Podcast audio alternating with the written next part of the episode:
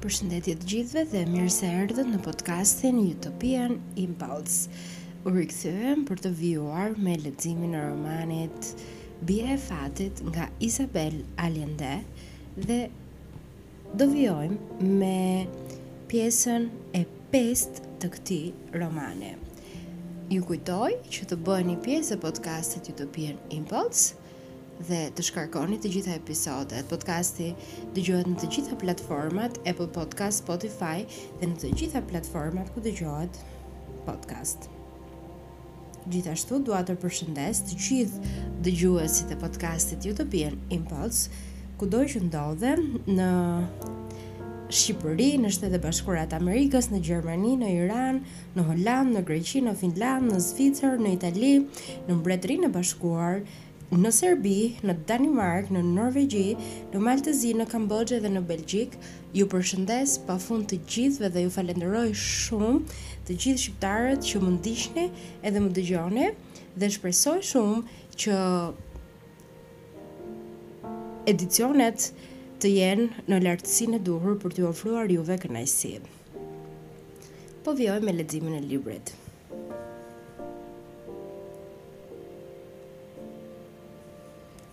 Kur nisën Feliciano me Paulinën, Jacob Todi u ndie ligsht. Kishte zënë miqësi të ngushtë me milionerin e minierave edhe me gruan e tij të shkathët. E ndjente veten për bukuri midis sipërmarrësve të rinj. Aq sa kishte filluar të ndihej si në siklet midis anëtarëve të klubit të bashkimit. Si ai vetë, ashtu edhe sipërmarrësit e rinj, ishin ushqyer fund e krye me ide evropiana. Ishin modernë, liberalë, Ndryshe nga oligarkia e vjetër e pronarëve të tokave që kishin mbetur gjysmë shekulli prapa, i kishin mbetur ende njëqind e shtatëdhjetë bibla që i kishte rrasur në shtrat dhe i kishte harruar sepse bastin e kishte humbur që e kishte humbur prej kohësh. Kishte mundur të zotëronte spanjishten, Aq sa t'ia dilte në krye do si do, pa kërkuar ndihmë edhe pse Rose Sommers nuk i përgjigjej. Ai vijonte ta donte. Dy arsye të mjaftueshme këto që të mbetej në Kili. Rrengjet e vazhdueshme të vajzës së re Ishte shndërruar e bërë një shprehi e ëmbël dhe nuk e poshtëronin më. U mësua t'i pranonte me ironi edhe t'ia kthente pa ligësi. Si në një lojë me top, të cilës vetëm ata të dy ia njihnin rregullat. u njoh me disa intelektualë edhe kalonte shumë mbrëmje duke diskutuar rreth filozofëve francezë, gjermanë, sikurse edhe për zbulimet shkencore që u hapnin horizonte të reja dijeve njerëzore. I dilte boll kohë që të mendonte, të lexonte edhe të diskutonte. Dalngadalë lidhej fort me do ide që i shënonte në një fletore të trashë, të vjetruar nga përdorimi i gjatë, edhe një pjesë të të ardhurave i harxhonte për të blerë libra që i porosiste në Londër edhe për tekste që i blinte në librarinë Santos Tornero. në lagjen El Almendral, ku banonin francezët, edhe ku gjëndej edhe bordeli më i mirë i Valparaisos. Libraria ishte një vend takimi për intelektualë, apo ata që donin të bëheshin shkrimtarë. Todi kishte zakon të kalonte ditë të tëra duke lexuar, pastaj u jepte librat shokëve të tij që i përkthenin në një farë mënyre edhe i botonin në broshura të thjeshta, të cilat kalonin dorë më dorë. Në këtë grup intelektualësh më i riu ishte Joaquin Andieta, i cili edhe pse ishte vetëm 18 vjeç, e plotësonte mungesën e përvojës me një prirje të lindur për t'u bërë prijës. Personaliteti i tij magjepsës dukej edhe më i çuditshëm, po të mendohej mosha e tij e re dhe vështirësitë ekonomike të jetës së tij. Joakini nuk fliste shumë, por ishte një njeri i veprimit.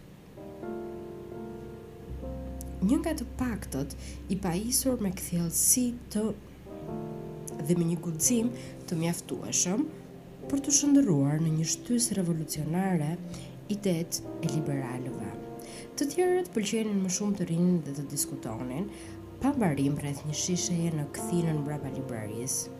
Qysh në fillim, Todi ndjeu simpati për Andietën. Ai seç kishte diçka të paqetë dhe patetike, që e kishte bërë për vete.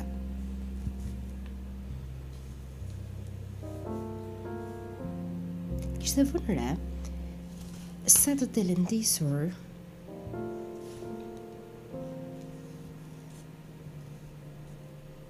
e kishte valixhen dhe sa të ngrëna kishin rrobat e tij.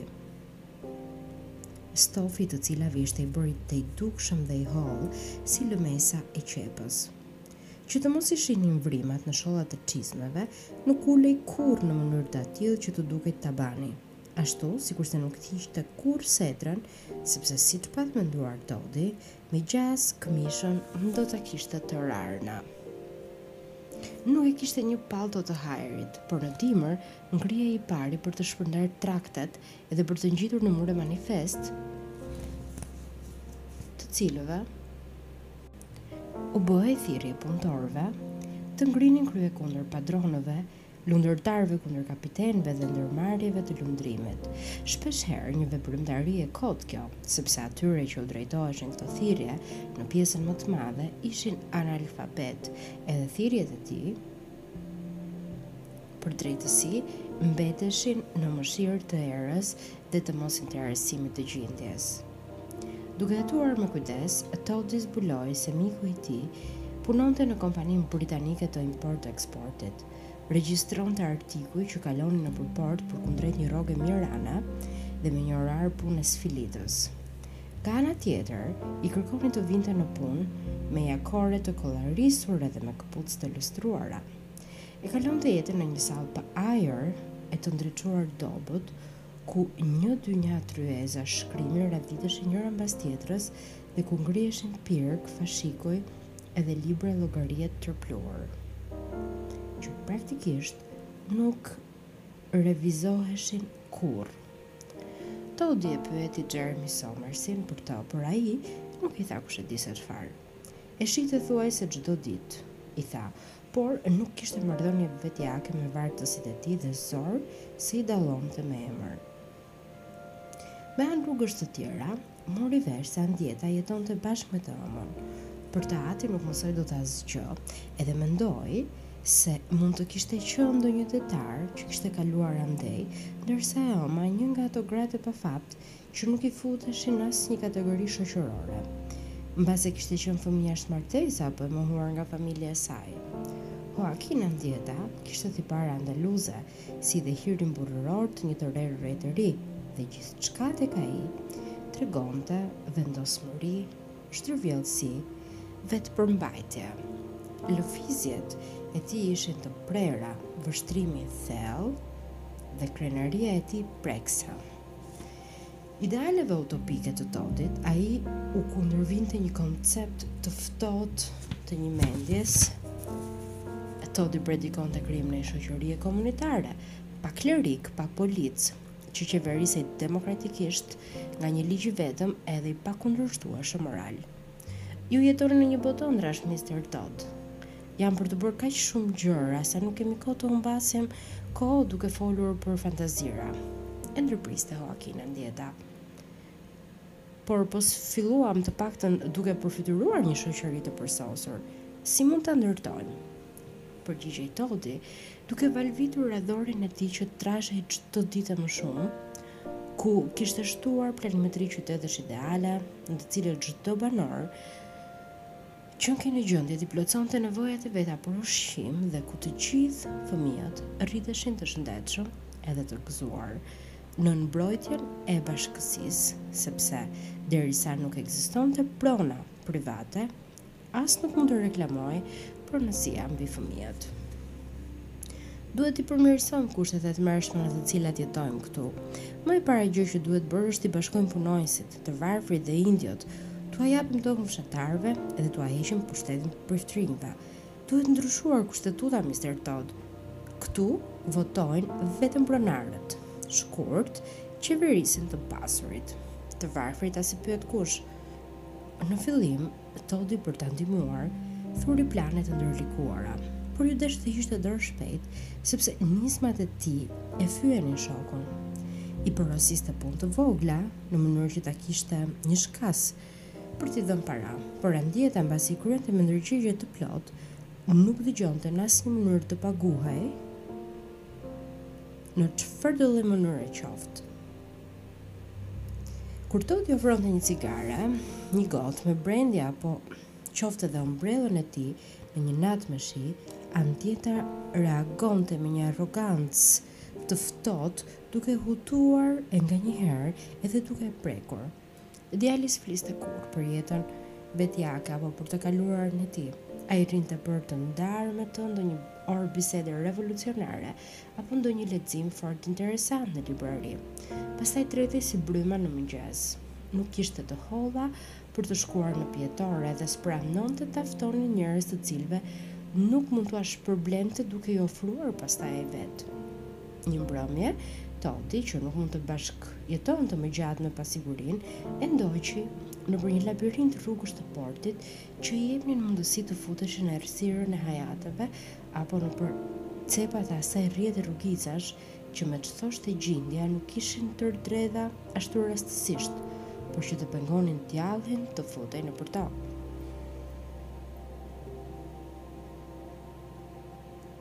Pa që Hoakin Andieta, përveshi pantallonat, zbathi këpucët, i palosi të gjitha me një gazetë edhe i futi tërë kujdes në valixhën e tij të vogël, të vjetëruar edhe të ndotur, nga ku nxori një palë sandale fshatarësh. Në atë orë të vonë, shihje të sorollateshin vetëm mace që s'dinin ç'të bënin, apo që kërkonin midis plehrave, si edhe ndonjë njeri i përhumbur. Meqë e ndjeu veten një farë hajni, Todi vazhdoi të ecte nëpër errësirë, duke ndjekur thuajse ngjitazi shokun e tij. Mund t'ia ndjente frymarrjen e nxituar, edhe duart që i fërkonte vazhdimisht njëra me tjetrën, për t'i bërë ballë asaj ere të acartë që të priste si brisk. Mbërritën në një godinë të madhe në të cilën mund të shkohej nëpër njërën prej atyre rrugicave të ngushta, që ishin tipike në atë qytet. Iu përplas në fytyrë një kutërbim urine dhe jashtëqitjesh. Nëpër ato lagje kalonin më të rrallë punonjësit e shërbimit të higjienës me grepat e tyre të gjatë për të liruar kanalet e kullimit kur ziheshin. E kuptoi pse Andieta i kishte hequr të vetmet këpucë që kishte. Nuk kishte si ta dinte ku shkelte, këmbët zhulateshin në një baltovinë të qelbur. Asaj nate, pa hënë, depërtonte një dritë e pakët dhe e dobët nga grilat rrangalla të dritareve, shumë nga të cilat, meqë nuk kishin xhama, ishin zënë me dërrasa apo me fletë kartuçe. Përmes plasave mund të dalloheshin dhoma të mjeruara e të ndriçuara me qirinj. Mjegullina e lehtë i jepte asaj skene një pamje irreale. Pa që Hoakin Andieta ndezi një shkrepse e mbrojti me trup që të mos e fikte era, nxori një çelës dhe duke bërë dritë me atë flakëz që dridhej, hapi njërën prej atyre portave. Ti je, bir, dëgjoi fare shkoqur që tha një zë gruaje i druajtur, më i kthjellët edhe më i ri se ç'mund të pritej. Porta u mbyll aty për aty. Todi ndenji gjatë në errësirë, duke shikuar atë kasolle dhe duke ndjerë një dëshirë të papërmbajtur që të trokiste në derë, jo vetëm i shtyrë nga kureshtja, por edhe nga dhimbshuria e thellë që ndjente për shokun.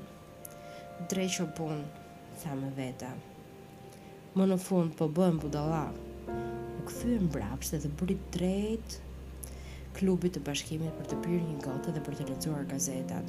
Por para se të mbërrinte në të u pendua sepse ndjeu që nuk mund të bënte ballë hendekut midis skamjes që sapo kishte lënë mbrapa krahëve edhe atyre salloneve me orendi të veshura me lëkurë e llampadarë kristali. U kthye në dhomën e tij, duke ndjerë ta përvëlonte një mëshirë e zjarrtë, si ajo ethje që i kishte rrezikuar jetën gjatë javës së parë në Kili. Kështu ishin punët në fund të vitit një mijë e tetëqind e dyzet e pesë, kur flota detare tregtare e Britanisë së Madhe emëroi në Valparaiso një kapelan që merrej me kërkesat shpirtërore të protestantëve.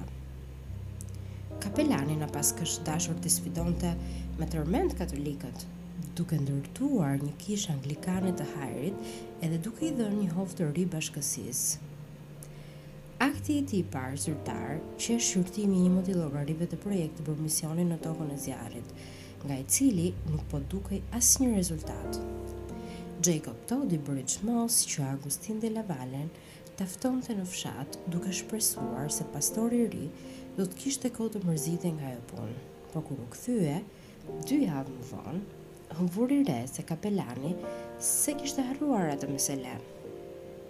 Për një farë kohe Todi sajoi pretekste të tjera për t'u shmangur. Por, më në fund, iu desh të pranonte një revizor dhe pastaj një komision të Kishës Anglikane. U bë lëmsh me shpjegime që u bënë gjithnjë më të çuditshme, më të pabesueshme, dora-dorës që hesapet provonin katërcipërisht defiçitin. I ktheu të hollat që i kishin tepruar në llogari, por nami i tij e pësoi keq. Mbaruan për të pritjet e të mërkurave në shtëpi. në e Somersve dhe askush nga kolonia e huaj nuk e ftoi më. Rrugës e shmangnin dhe kushdo që kishte ende punë me të, të papërfunduara i quajti të mbyllura. Lajmi i mashtrimit u shkoi në vesh edhe miqve kilianë, që me shumë takt, por me vendosmëri, i çuan lajm që të mos shkonte në klubin e bashkimit. Në donte ta shmangte turpin që ta përzinin prej andej. Nuk e pranuan në ndeshjet e kriketit dhe as në barin e Hotel Inglesit. Brenda pak çastesh, e pa veten të izoluar e deri miqtë e tij liberalë i kthyen shpinën. Asnjë nga pjesëtarët e familjes De La Valle nuk e përshëndeste më me përjashtim të Paulinës, me të cilën Todi mbajti një letërkëmbim jo të rregullt. Paulinës i kishte lindur fëmija i parë në veri dhe nga letrat e saj dilte në shesh se ishte e kënaqur nga jeta bashkëshortore. Feliciano Rodrigues ishte i bindur se guximi i saj gjatë arratisjes nga manastiri dhe mënyra se si u kishte thyer familjen që të martohej me të, nuk duhet të shkonin dëm midis punëve shtëpiake, por të shfrytëzoheshin në të mirë të të dyve. Ajo grua e edukuar si një zonjushe e vërtetë, që sa mezi lexonte edhe bënte hesap, kishte një pasion të vërtetë për biznesin. Në fillim interesimi i saj për hollësitë e proceseve për të nxjerrë edhe për të transportuar mineralet, ashtu sikurse edhe për kursin e bursës, e kishin habitur Felicianon, por brenda pak kohe mësoi të mbante parasysh prirjen e pazakontë të së shoqes, falë këshillave të saj, mbas shtatë muaj martese, ai realizoi alamet fitimesh duke spekuluar me sheqerin. Thellësisht mirënjohës ndaj saj, i dhuroi një servis çaji prej argjendi të punuar në Peru, i cili peshonte nëntëmbëdhjetë kilogramë. Paulina së cilës i kishte mbetur një bark i madh pas lindjes së fëmijës së parë, edhe që mezi lëvizte, nuk e pranoi dhuratën, duke mos i ngritur as sytë nga papuçet e leshta që ishte duke thurur. Për mendimin tim, është më mirë sikur të hapësh një llogari në bankë të Londrës në emrin tim, edhe duke filluar qysh sot, të derdhësh në të njëzet për qind të fitimeve që do të nxjerr për ty. Po pse? nuk po t'i siguroj të gjitha ato që kërkon, madje edhe shumë më tepër se kaq? E pyeti Feliciano i prekur. Jeta është e gjatë dhe plot të papritura. Unë nuk do doja në asnjë mënyrë të mbetesha një vejushë e varfër, edhe për më tepër me fëmijë, i shpjegoi ajo, duke prekur barkun. Feliciano doli duke përplasur derën, por ndjenja e tij e drejtësisë e mposhti shpirtin e bashkëshortit të fyer. Pastaj mendoi se ato njëzet për qind për Paulinën do të ishin dhe një shtytës i fortë. Bëri ashtu si i tha ajo, edhe pse s'kishte dëgjuar kurrë të flitej për gratë e martuara që kishin pasuri në emrin e tyre. Nëse një grua e martuar nuk mund të udhëtonte vetëm, të nënshkruante dokumente ligjore, t'i drejtohej drejtësisë, të shiste apo të blinte pa autorizimin e të shoqit, aq më pak mund të kishte një llogari rrjedhëse për qejfin e saj. S'do ta kishte të thjeshtë ta shpjegonte këtë gjë në bankë apo para ortakëve të tij. Ejani në veri me ne. E ardhmja u përket minierave, edhe aty mund ta filloni nga e para, e këshilloi Paulina Xhejkob Todin, kur gjatë njërës prej vizitave të saj të shkurtra në Valparaiso, mori vesh se ishte ngushtë. Po ç'mund të bëj unë aty, mikja ime? mërmëriti ky i fundit. Të shisni Bibla, tha Paulina me shaka, por e prekur nga trishtimi i thellë në të cilin qe kredhur Todi. I ofroi shtëpinë e saj, miqësinë e saj dhe një punë në sipërmarrjet e të shoqit. Por Todi ishte kaq i dëshpëruar nga fati i keq, edhe nga turpi i botës, sa nuk gjeti forcë t'ia niste një aventurë të re në veri. Kureshtja edhe shqetësimi që e shtynin dikur, tani qenë zëvëndësuar nga mendimi ngulmët se duhej të fitonte përsëri namin e mirë që kishte bjerrë. Unë jam rrënuar, zonjë, nuk e shihni, një burrë pa nder, është një njeri i vdekur, Kohët kanë ndryshuar, i dha zemër Paulina. Më përpara nderi i përbaltur i një gruaje lahej vetëm me gjak, por siç e dini mirë Mister Tod, në rastin tim u la me një kanë me kakao. Nderi i burrave është ku e ku më i fortë se yni. Mos u dëshpëroni. Feliciano Rodriguez de Santa Cruz, që s'e kishte harruar ç'kishte bërë ai në kohën e dashurisë të pashpresë me Paulinën, e ndau t'i huante të holla në mënyrë që t'i kthente deri më një paret e misioneve, por Todi mendoi se më mirë t'i mbetej borxhli një kapelani protestant, se sa një shoku, Sepse në fund të fundit namin e tij e kishte marrë lumi. Brenda pak kohë u detyrua të ndahej nga macet dhe nga tortat sepse vejusha angleze e pensionit e dëboi duke ia marrë frymën me qortime. Zonja shpirtmirë e kishte dyfishuar mundin në kuzhinë për të financuar përhapjen e fesë në ato krahina ku dimri s'kishte të sosur, ku një erë e frikshme uturinte natë e ditë, siç thoshte Xhejkob Todi. kur i vinte delli i gojtarisë. Kur mësoi se kursimet e saj përfundonin në xhepat e misionarit të rremë, me plot të drejtë i kërcyen dreqërit në kokë edhe e përzuri nga shtëpia. E ndihmoi Hoakin Andieta që i gjeti një banesë tjetër. Kështu, ai u shpërngul në një dhomë të vogël, por nga ku shihej deti, në një nga lagjet e thjeshta të portit. Shtëpia ishte pronë e një familjeje kiliane dhe s'kishte tertipet e të parës. Ishte një ndërtesë e vjetër prej tullash të lyra me gëlqere dhe me një pullaz me tjegulla të kuqe që përbëhej nga një paradhomë edhe nga një dhomë e madhe zëre pa orendi që shëmbullente si sallë, si dhomë buke edhe si dhomë fjetje për prindërit nga një kthinë më e vogël edhe pa dritare ku flinin gjithë fëmijët edhe nga një tjetër nga fundi për t'u venë dhënë me qira. I zoti i shtëpisë ishte mësues edhe e shoqja e ndihmonte shtëpinë duke prodhuar qirinj në kuzhinë. Era e dyllit i qe ngjitur gjithë shtëpisë. Atë erë ëmbëlsiqe Todi e gjente ndër libra, në rroba, në flokë e deri në shpirtin e tij. I kishte depërtuar kaq fort në lëkurë, sa shumë vjet më vonë, në anën tjetër të botës, do të vazhdonte të mbante era qiri. Frekuentonte vetëm fundërrinat e portit, ku nuk mund t'i interesonte askujt nami i mirë apo nami i keq i një gringoje flokëkuq. Hante në pijetoret e të varfërve dhe kalonte ditë të tëra me peshkatarët, duke dhënë e duke marrë rrjeta e barka. Ushtrimi fizik i bënte mirë dhe arrinte të harronte për ndonjë orë sedrën e cënuar. Vetëm Hoakin Andieta vazhdonte ta vizitonte. Mbylleshin në dhomë për të diskutuar për politikë edhe për të shkëmbyer tekste filozofësh francezë.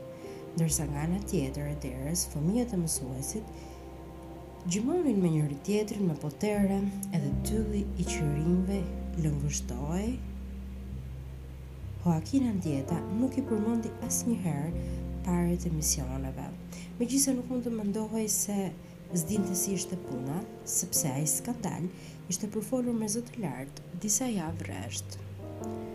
Kur Todi u përpoq t'i shpjegonte se nuk kishte patur kurrë ndërmend të mashtronte kënd dhe se e kishte marrë në qafë prirja e tij e pakët për t'u marrë me numra edhe me llogari, çrregullimi i tij i njohur, edhe fati i tij hek. Ters, Hoakin Andieta çoi gishtin në buzë edhe e ftoi të mos fliste. Në një vrull krie dhe përzemërsie, Jacob Todi e përqafoi papritmas edhe tjetri e shtrëngoi në krah për një çast, por pastaj menjëherë u nda prej tij me një lëvizje të prerë duke u skuqur deri në majë të veshëve. Të dy u larguan në të njëjtën kohë të hutuar, të pazotë për të kuptuar si kishin mundur të shkelin rregullin më të thjeshtë të sjelljes, që ndalonte çdo kontakt fizik midis burrash, përpos se në beteja dhe në sporte të dhunshme. Gjatë muajve të tjerë të mëvonshëm, anglezi ra poshtë e më poshtë. S'e çau më kokën për pamjen e tij të jashtme, nisi të bridhte me mjekër disaditëshe, duke përndarë një kutërbim alkooli dhe qirinjsh. Kur e kalonte masën duke pirë xhin, niste e shante si i çmendur edhe me një frymë qeveritë, familjen mbretërore angleze, ushtarakët edhe policët, sistemin e privilegjeve klasore, që e krahasonte me sistemin indian të kastave, fenë në përgjithësi dhe kristianizmin në veçanti. Duhet të ikni që këtej, Mister Todd, ju po çmendeni, guxoi t'i thoshte një ditë Hoakin Andieta, pasi e largoi nga një shesh pasi po bëhej gati ta merrte me vete një rojë. Pikërisht në këtë gjendje, ishte duke predikuar si një i marrë në mes të rrugës, e gjeti kapiteni John Somers, i cili kishte disa javë që kishte mbërritur në port me anijen e tij. Anija kishte pësuar dëme të mëdha gjatë udhëtimit për në kepin Horn edhe kishte nevojë për riparime të gjata. John Somersi kishte kaluar një muaj rresht në shtëpinë e të vëllezërve, Jeremyt edhe Rosës. Kjo e shtyu që me t'u kthyer në Angli të kërkonte punë në një avullore, sepse nuk donte të përsëriste përvojën e burgimit në kafazin familjar. I donte njerëzit e vet, por i donte më shumë kur ishte larg prej tyre.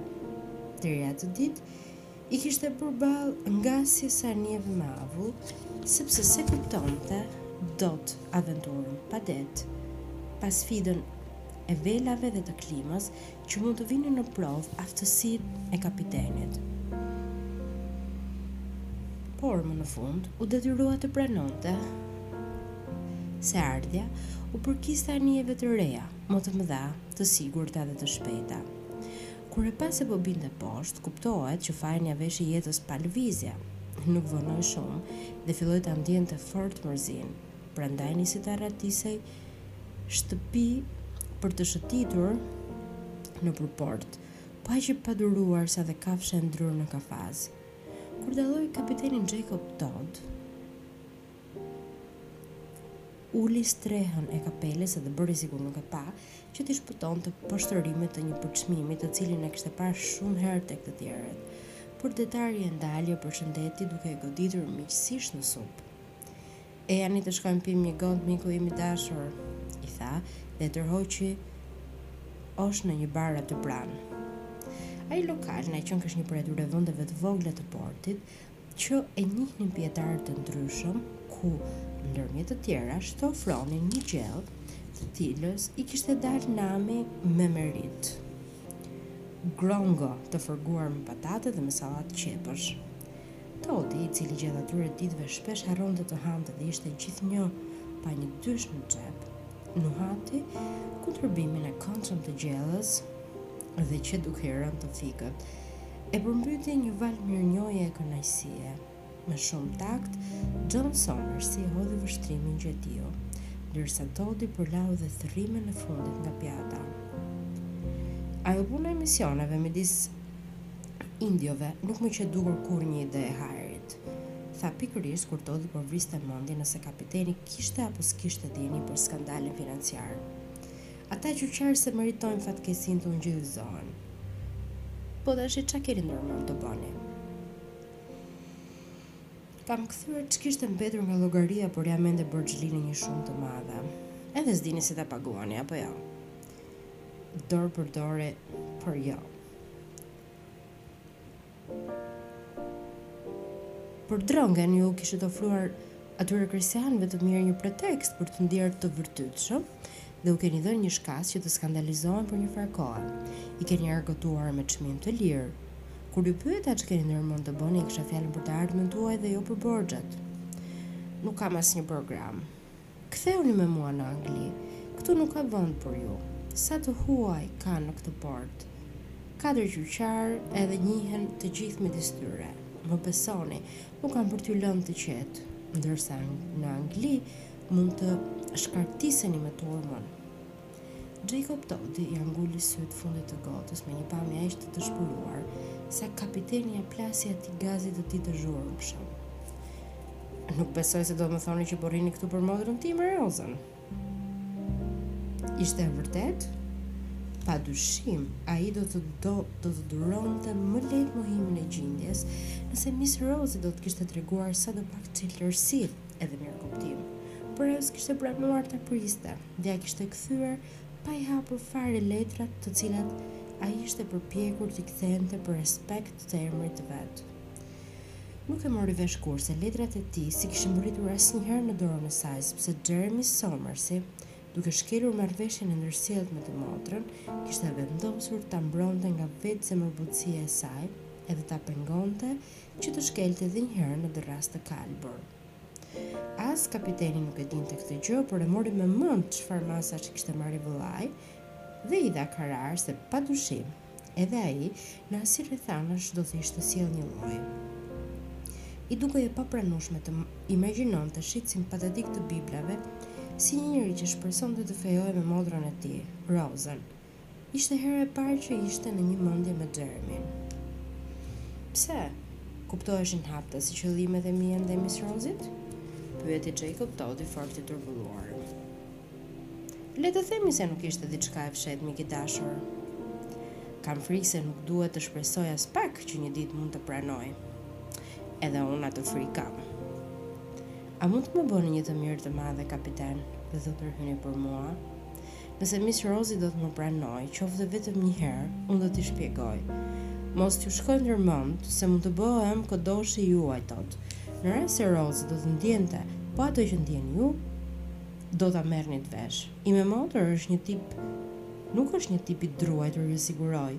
Jua përsëris se e vetmja gjë që mund të bëni është të largoheni nga ky port i mallkuar. Këtu do të përfundoni si lypës. Anija ime niset mbas tri ditësh për në Hong Kong, e prej andej për në Angli. Udhëtimi ka për të qenë i gjatë, por ju nuk keni kurrfarë nguti. Ajri i pastër edhe puna e rëndë janë dermane dorë me një kundër budallepsjes së dashurisë. Këtë ua them unë që kam rënë në dashuri në çdo port dhe që shërohem me të dalë në det. Nuk i kam paret për të paguar biletën. Duhet të punoni si detar edhe mbasditeve të luani letrash me mua, nëse nuk keni harruar të bëni hile siç bënit tre vite më parë kur ju solla në Kili. Nuk ka pikë dyshimi se do më lini me gisht në gojë gjatë lundrimit. Pak ditë më vonë, kur Jacob Toddi hipi në anije, ishte shumë më i varfër nga ç'kishte qenë kur ishte nisur. I vetmi që e përcolli në port qe Joaquin Andieta. Ai djalë gjithnjë i trishtuar, Kishte marrë një orë leje në punë. U nda nga Jacob, duke i shtrënguar dorën fort. Kemi për t'u parë sërish mik, tha anglezi. S'e besoj, ia ktheu kiliani, i cili për sa i përket fatit, kishte synime më realiste. Dhe këtu do ta mbyllim këtë episod të romanit Bija e Fatit nga Izabel Allende. Duke ju falënderuar për vëmendjen tuaj dhe duke ju rikujtuar që të bëheni pjesë e podcastit Utopian Impulse, ju uroj të kaloni bukur dhe mirëdëgjofshim në edicionin e radhës.